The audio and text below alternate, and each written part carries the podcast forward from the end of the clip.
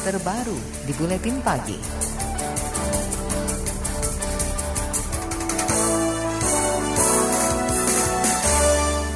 Kenaikan iuran BPJS Kesehatan hingga 100 persen masih ramai diperdebatkan, meski payung hukumnya berupa peraturan presiden sudah diteken. Banyak keberatan soal kenaikan, terutama untuk iuran kelas 3 peserta mandiri sebesar 65 persen dari Rp25.500 menjadi Rp42.000. Menanggapi keberatan itu, Menteri Kesehatan Terawan Agus Putranto mengusulkan iuran kelas 3 mandiri disubsidi negara. Ia mengusulkan peserta kelas 3 tetap membayar Rp25.500, sedangkan selisihnya Rp16.500 ditanggung negara. Terawan juga berjanji akan melobi kementerian dan lembaga terkait seperti Menko Pembangunan Manusia dan Kebudayaan, Muhajir Effendi, serta Menteri Keuangan Sri Mulyani untuk meluluskan gagasan ini. Saya yang roadshow ya, saya kerja tak bagaimanapun saya ingin menyelesaikan yang terbaik ya. Oh, yang kelas, kelas 3 mandiri itu tetap 2500 Pak harapannya Bapak. Itu kan harapan saya dan saya akan selesaikan. Berarti ya. sisanya ya. akan disubsidi. Iya dong. Tapi itu kemauan dan keinginan kita semua. Coba ya saya tak kerjakan ya. Uh, katanya suruh cepet-cepet. Kenapa sih Pak? Ya jelas karena cinta rakyat. Itu tadi Menteri Kesehatan Terawan Agus Putranto.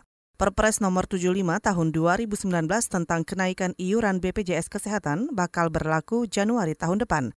Kebijakan menaikkan iuran menjadi langkah pemerintah untuk mengatasi defisit kesehatan BPJS yang bisa mencapai 29 triliun rupiah sampai akhir tahun.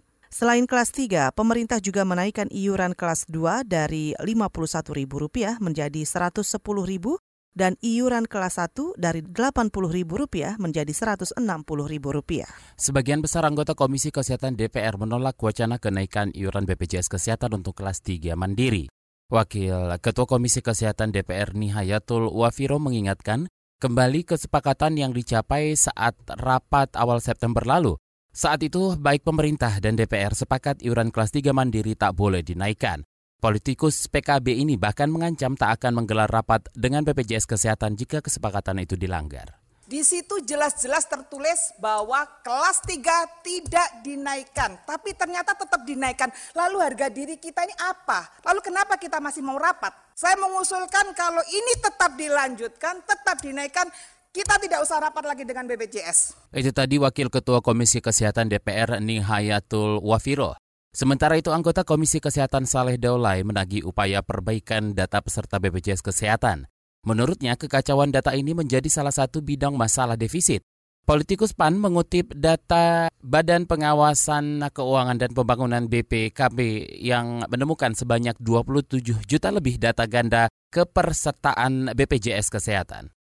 Yayasan Lembaga Konsumen Indonesia atau YLKI menilai usulan Kementerian Kesehatan untuk memberikan subsidi iuran peserta kelas 3 BPJS Kesehatan masih rancu. Pengurus harian YLKI Sudaryatno beralasan jika profil peserta kelas 3 adalah orang miskin atau tidak mampu membayar, maka lebih baik dimasukkan ke kelompok penerima bantuan iuran atau PBI. Cuma problemnya kan dikembalikan kepada pemerintah. Pemerintah punya uang atau enggak kan gitu loh. Dengan memberikan PBI aja juga pemerintah sudah mengalokasikan anggaran yang cukup besar. Cuma mungkin dalam catatan YLKI sebenarnya begini, di dalam menaikkan iuran BPJS tadi, YLKI mengusulkan supaya mestinya pemerintah itu mengecek kemampuan bayar peserta BPJS kan gitu. Pengurus harian YLKI Sudaryatmo juga menambahkan data real tentang kemampuan bayar peserta menjadi krusial karena bisa menentukan besaran kenaikan iuran yang tepat. Ia berpandangan kenaikan iuran sampai 100% masih memberatkan konsumen, kecuali kenaikannya dilakukan bertahap. Pemerintah juga diingatkan untuk meningkatkan layanan dan perbaikan manajemen jika tetap ngotot menaikkan iuran. BPJS Watch menentang usulan Kementerian Kesehatan memberikan subsidi iuran BPJS Kesehatan bagi peserta kelas 3 mandiri. Koordinator Advokasi BPJS Watch Timbul Siregar beralasan anggaran negara harusnya hanya digunakan untuk membiayai iuran orang miskin. Lebih baik menurutnya dana subsidi itu dialokasikan sebagai dana cadangan untuk mengantisipasi defisit tahun depan. Memang kita harus akui kelas 3 itu isinya adalah orang miskin dan orang yang mampu. Tetapi kalau mau mengatasi orang yang tidak mampu ini, ya lakukan cleansing data secepatnya, segera mungkin. 96,8 dan 37 juta orang di PBI APBD sehingga orang-orang miskin ini bisa masuk. Ini kan yang belum sesegera mungkin dilakukan oleh pemerintah. Nah, kemudian kita lihat juga misalnya APBD, banyak PBI APBD yang dihuni orang miskin, orang kaya juga seperti Jakarta gitu loh. Dia diobral siapa yang mau kelas 3 silahkan. Orang yang punya mobil, orang yang punya rumah banyak. Koordinator Advokasi BPJS Watch, Stimbul Siregar mengusulkan pemerintah menambah kuota penerima bantuan iuran PBI di pusat maupun daerah. Tambahan kuota ini untuk menampung peserta kelas 3 yang tak mampu membayar akibat kenaikan iuran.